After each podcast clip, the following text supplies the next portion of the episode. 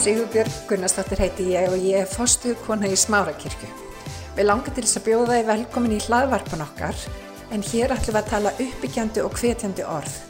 Ég vona svo sannlega að þetta blessi þig og hveti þið áfram til að gera góða hluti í lífinu. Um, í byrjun- byrjunum aðvendunar þá fór ég aðeins í og við rættum saman um það muniði að við náttúrulega minnumst alltaf Jésu barsins sem er falleg mynd og við viljum hafa í huga okkar. En við myndumst líka og rættum um það staðreind að hann óks úr grasi hafði hlutverki að gegna hafði köllun á lífsitt sem hann uppfyldi og, og kláraði. Og mig langar núna, ef, við, ef það er í lagi eitthvað vegna, að við skoðum eitt þátt við komuna, við jólakomuna þegar Jésús fæðist, sem ekki er oft talað um. Það er ekki mjög oft minnst á þetta eh, svona í, í söfnum landsins. Getur vel verið að það þýð ekki það að fólk veit ekki um það eða hugsi það ekki, það er bara ekkit notað endalega mikið til að fjalla um það. Og... Um, Fyrsti kalbin í Jóhannesar Guðspjalli segir okkur alveg helling. Segir okkur frá um, að upphafi var orðið, orðið var hjá Guði og svo frammeðis og við ætlum að grípa niður í fyrsta kablan frá nýjunda versi. Hið sanna ljós sem upplýsi hvern mann kom nú í heiminn. Æ, ég verði eitthvað sem myndi eftir okkur til þeir lesta. Ég verði að sigga frá einni skemmtilegum söfnið í Afríku. Þeir eru mjög svona, já, líflegir. Og ég var, var vitnað þessu og það var vera að predika. Predikar var að predika út frá þessu. Þeir sanna ljós sem upplýsing hvert mann er nú komin í heiminn. Og um leið og hann las þetta, þá stökku fimm eða sex samkomið þjóna fram með vasaljós og listu á alla. Og þetta, já, þetta var bara, þetta var bara, hérna fengum við bara upplifun, það bara, það listi bara á hvern mann. Og um, þetta var svona kirkja með svona, hvað segir maður, með proppi. En þetta var, þetta var mjög skemmtilegt. En sannarljó sem upplýsi hvern mann kom nú í heiminn. Hvað er verið að vitna til? Að sjálfsögðu fæðingar Jésu sem við væntum og um jólinn og höldum upp á jólinn í tilöfnað. Hann, Kristur, Jésu barnið, var í heiminum og heimurum var orðin til fyrir hann. En heimunum þekkt hann ekki. Hann kom til eignar sinnar en hans eigin menn tóku ekki við honum. En öllum þeim sem tóku við honum gaf hann rétt til að vera Guðsbörn, þeim er trú á nafn hans. Þeir eru ekki af blóði borðnir, ekki af holdsvildni mannsvilja heldur að Guði fættir. Þetta sjálf og sér eru vers sem er mikið preddik út frá ef þið ferur fyrir uppið því. Ég hef nú oft hérst þetta og hvert að tala um að ég aldrei tala um þetta. Róleg, þá eftir að koma. En sjáu hvað þetta er stórkoslegt. Þannig verður að tala um það að allir þeir sem að koma til hans og endurfæðast ekki að þeir sem eru að blóðiborni þeir sem eru ekki að blóðiborni á holdsvilja en mannsvilja heldur að Guði fættir fættir og það er ekki verið að tala um fæðingu að það sé bara hluti manki sem, Guð, eru Guði þóknarlegur og hinn er ekki, það hefur ekkert með það að gera þetta hefur með að gera þeir sem kom og endur fæðast þar að segja fá umbreytingun í hjarta sínu finna bara hei, Guð er raunverulegur hann er núna að vinna í mér ok síðan kemur hérna síðasta versið og það er þetta sem ég langaði að staldra við. Og orðið sem var þá Kristur, hjá Guði upp, alveg frá upphafi, orðið varð hold. Orðið varð hold og hann bjó með okkur fullur náðar og sannleika. Ó, ég elska þetta. Og við sáum dýrð hans, dýrð sem sonurinn eini á frá fröðurnum. Orðið var hold, hann bjó með okkur fullur náðar og sannleika. Vitið hvernig þetta var verst hljómar á grískunni? Það er, svolítið, það er það sem ég ætlaði að tala um. Orðið var hold og hann bjó með okkur fullnum náður og sannleika á grískunni í beitni þýðingu er hann kom sem tjálbúð á meðal okkar og við sáum dýrið hans. aðdeglisvert. Orðið sem er notað er tjaldbúð eða á ennskunni orðið tabernakul. Hvað minnir þetta okkur á um tjaldbúð? Það minnir okkur náttúrulega strax á tjaldbúð, já, Ísraels minni eðimörkinni tjaldbúð Mósi. Hvað var ég að segja um daginn?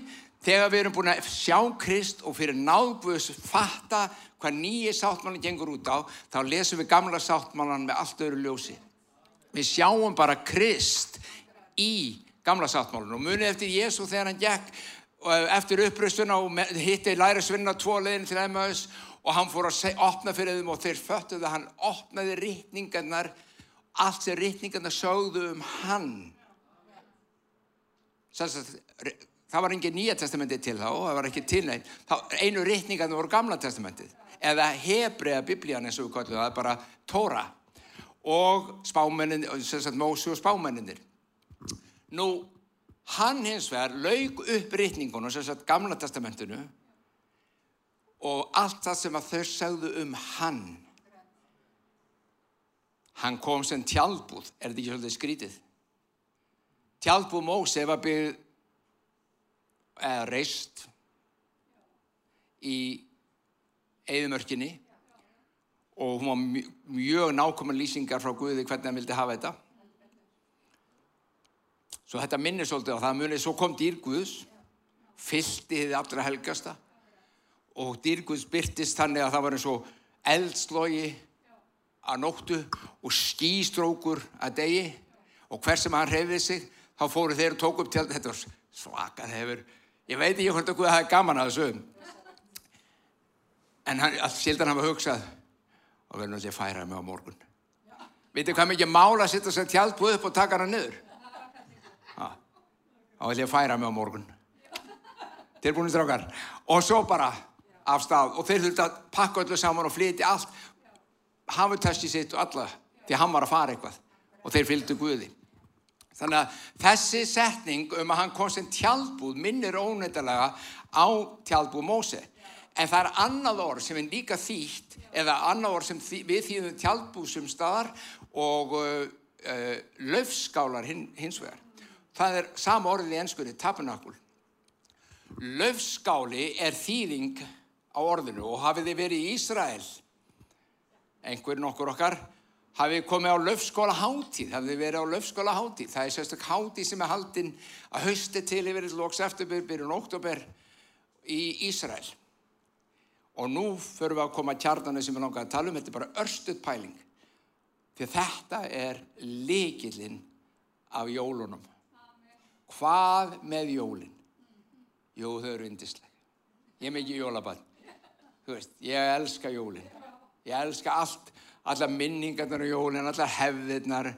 Uh, eins og ég elska ég smákókuna meira heldur ég gerir núna, en þú veist, ég elska það mikið og og hérna, en maturinn og búha, og allt þetta og heima tilbúin í ísinn og samfélagið við fólkið og fjölskylduna eitthvað bara ljósinn, þetta er indislega tíð ég átta mig alveg á að þetta er ekki indilega indislega tíð fyrir alla því miður því miður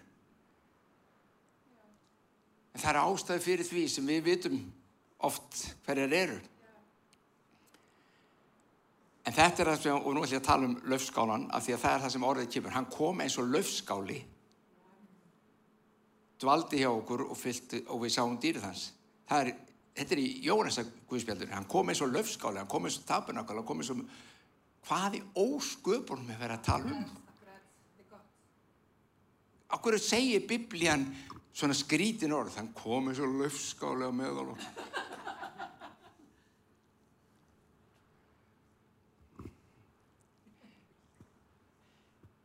Málið er að í Mósebókunum, það sem er sagt frá, svo nú ætlum ég að lesa það, það er myndin sem er dregin upp.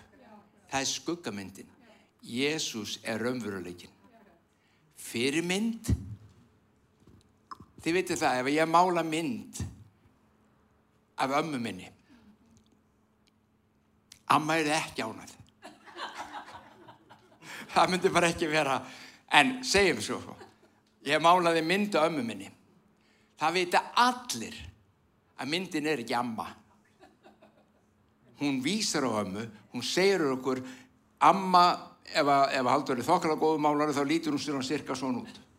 Hárið hann er svona og ma- amma var sko með hár hingað, silfugrátt, við kallum þetta englahár. Þeir sem eru eldri kantinu, þeir muni kannski eftir englahárum á jólatrjánum. Við, við tvö. Englahár, hvað er þetta að tala um? Það var ákveðin skreiting, það voru sett yfir ljósin og það kom alveg svakalega flott byrta yfir ljósunum já, nógu það. Amma var með svoleiðis hár og, uh, en er, myndin er ekki amma.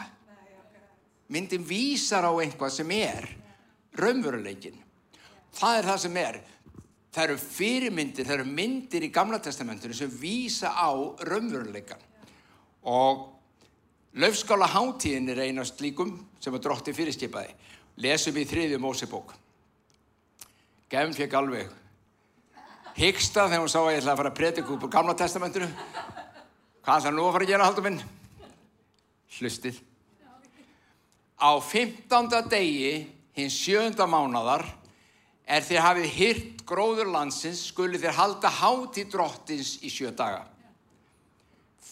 Það voru margar hátíðir sem Ísraelsmennum var sagt að halda og þetta var einu þeirra. Það kalluð laufskála hátíðin eða The Feast of Tabernacles. Fyrsta daginn skal vera helgikvíld, nú þetta er sjö dagar, fyrsta daginn skal vera helgikvíld. Áttunda daginn skal vera helgikvíld, þar sé þetta búið, kom kvíldaginn eftir. Fyrsta daginn skuli þið taka eður aldinn af fögrum trjám, pálmviðargreinar og lim af þjallauguðum trjám og lækjar píl. Og þið skuluð fagna frammi, frammi fyrir drottni Guði í þar í sjö daga. Og þið skuluð halda hana helga sem háti drottin sjö daga á ári. Það er ævarandi lögmál fyrir ykkur frá kynið kyns. Í sjönda mánuðinu skuluð þér halda hana, sjönda mánuð ártalsins í þeim, skuluð þér halda hana og þið skuluð búa í löfskálum í sjö daga. Ef þið hafi verið í Ísrael og því að útskýla aðeins hvað þetta er. Ef þið komið til Ísrael á þessum tíma, þá sjáu þið að um, í stundum ef að þau hafa ekki mikið bakar eða garð, þá er þetta bara sett oft út á svalir.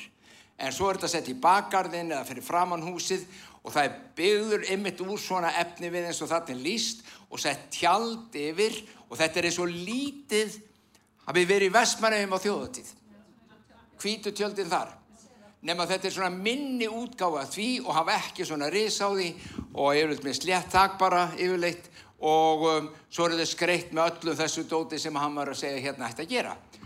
Og þau eiga að búa í þessu í sjö daga. Allir innbornir menn.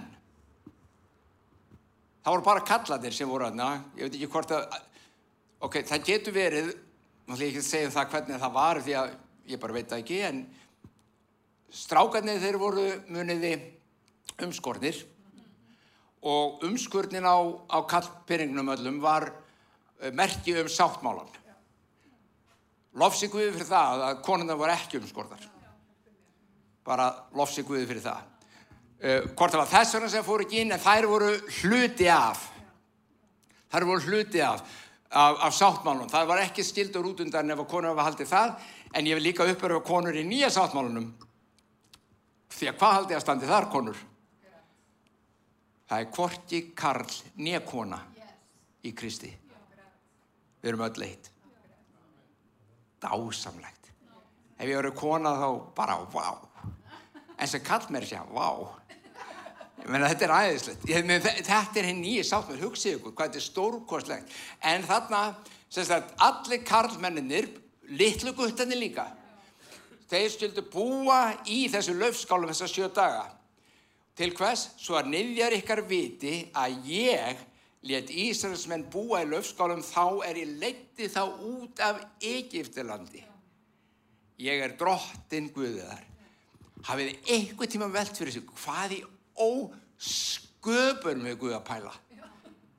Ok, hann tekur það út úr Egiptalandi, hann leiður það út úr ánauð, þrældómi sem þeir voru búin að vera í 400 áð, bundnir í myrkri, þræluðu myrkran á milli, byggðu öll húsin, sumur segja að það hefur verið Ísælsmenn sem byggðu píramendara fyrir hérna, faraóna, maður veit það ekki, þeir eru allavega þrælarnir sem að unnu við það. Þeir kannski hönnuðu það ekki, ég veit það ekki, en þeir þræluðu. Og þeir byggðu, byggu til alla steina til að hlaða, alla hlæðslur í all hús sem voru byggðu og svo fravist. Þetta var þrældómur. En Guð leysir það út og svo til þess að, svo vill hann að allar þjóðir, hlustið á, nú ætlum ég að segja ykkur eitt, Mósi, segðu fólkinu þetta, að nú vil ég þetta allar þjóðir vitið það var ég sem leti ykkur út úr Reykjavík og leti ykkur búa í svona tjaldi. Og, ég meina, ef, ef ég var í Mósi þá við hefum smá raugraður. Býðist ráka, ég ætla aðeins að fara upp á fjall. Ég ætla aðeins að tala við hann. Ákur, hva, hvað er þetta, ákur viltu að við búum í svona löfskálum? Til hvers? Við, bara, við erum er í tjaldi og það er miklu betra tjaldur en þetta. Búið í þessu í sjötaga. Veitir hvað myndin er? Myndin er þessi að einn daginn myndi Guð koma með frelsaran og leiða allt mannkinnið úr ánauð úr synd, úr sjúkdómi, úr emd og volaði yfir í frelsi. Og hann ætlaði að láta þetta fólks sitt sem hann kallaði út og leisti til frelsis búa í löfskóla sem heitir Jésús Kristur. Þess vegna segir Kristur kom sem löfskáli á meðal okkar.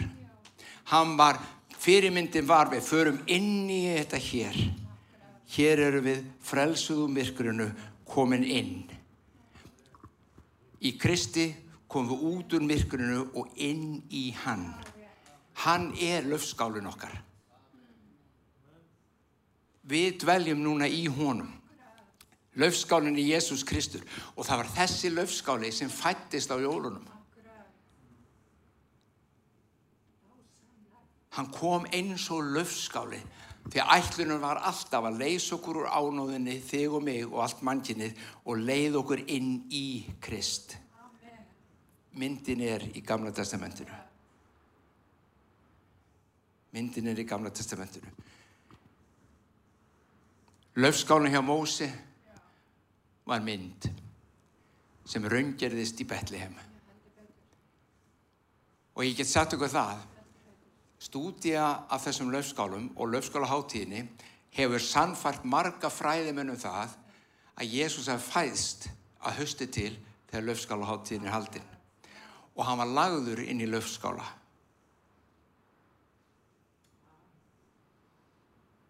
Veit ekki um það. Hann má alveg verið jötu mínu vegna að segja þau. Svo lengi sem ég veit að hann er löfskálinn minn. Svo lengi sem ég veit að ég kem út úr kuldanum inn í hlíuna, úr myrkrinu, inn í ljósið, úr baráttunni, inn í frið, innri frið, ytri frið. Þannig sem ég má dvelja í honum.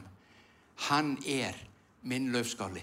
Hann, þetta er Jésúbarnið sem fættist. Pælið í því, þetta er Jésúbarnið. Þetta er ekki bara falli mynd af litlu barni sem fættist í Betliheim. Og náttúrulega ef við farið eitthvað til Ísraels, ef við hefum ekki farið þá náttúrulega verðið þið að fara til Betliheim. Þið megi fara, Betliheim er undir stjórn palestunum manna en það er alltaf þið megi fara inn og það er dásalvöld að koma þar. Aðalmálið er haust, Það er nokkuð, nokkuð mennur nokkuð sammálum það að það er ekki 25. desember. En það er allt í lagi fyrir okkur að halda upp á þá. Svo lengi við skiljum af hverju hann kom, hvað hann gerði þegar hann kom, hver hann var þegar hann kom. Og skilja tilgangin með þessu litla batni sem fættist. Það eru jólin okkar. Með öðrum orðum, á jólunum fyrstu kom húsið sem þú og ég megun út velja í.